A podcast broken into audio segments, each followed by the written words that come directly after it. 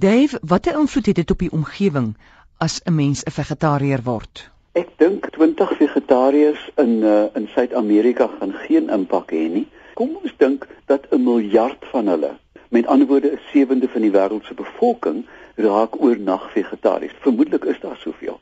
Weet jy, ons moet begin dink aan bewaring amore as 'n soort van 'n fossiel brandstof want hy het kaloriewaarde. Met ander woorde, terwyl ek en jy met mekaar gesels, straal ons elkeen 'n 100 watt aan liggaamstemperatuur uit. 'n Vliegtuig met 300 mense aan boord moet hulle verskriklik koel cool hou want die ding raak warm van al daai spulsweterige lywe.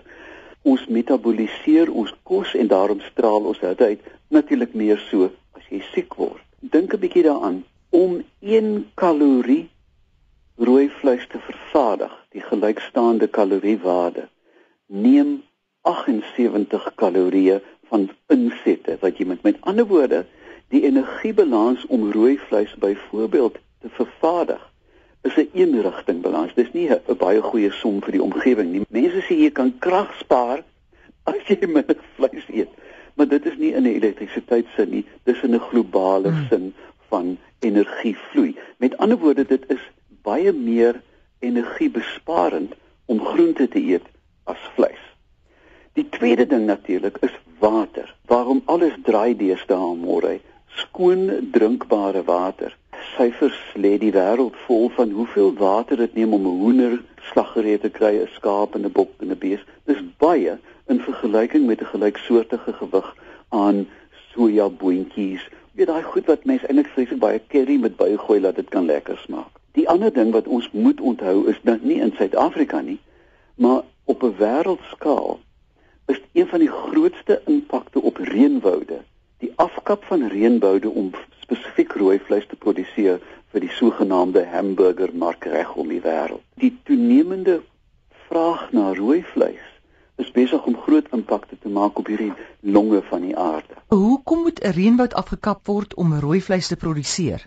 Natuurlik om dit veiding te maak jy sien. Oh, uh, veral in in in Suid-Amerika kap hulle 10000 vierkante kilometer per jaar word omskep in veiding die probleem natuurlik met 'n reënwoud is dat die grond is kortstondig vrugbaar. So dit hmm. hou ook nie lank nie nou moet jy weer begin kunsmis ingooi en dit neem alles energie. Behalwe die Vitamiin B groepe is 'n gebalanseerde vegetariese dieet voldoende.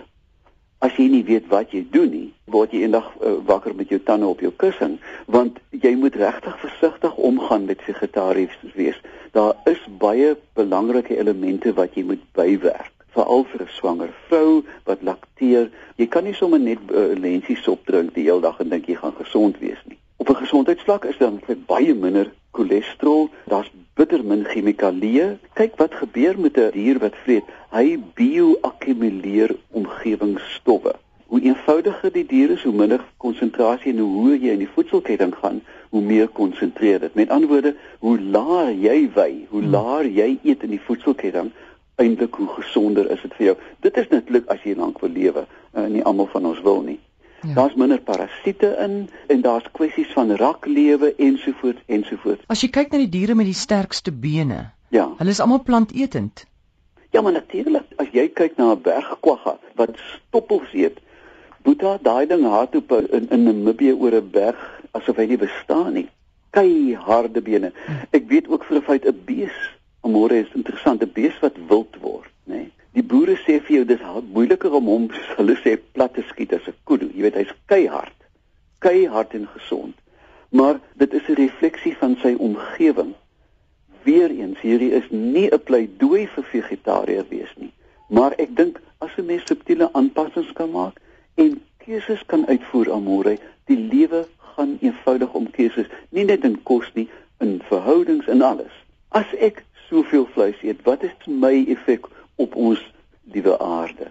Indien ek dit minder doen, kan ek 'n bydrae maak.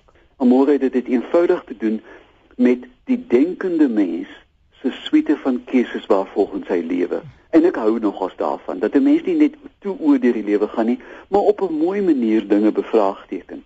En dan kan jy begin vra, wat is goed vir my en wat is goed vir die omgewing? As jy nie bang die veeboere skiet jou as jy so praat nie.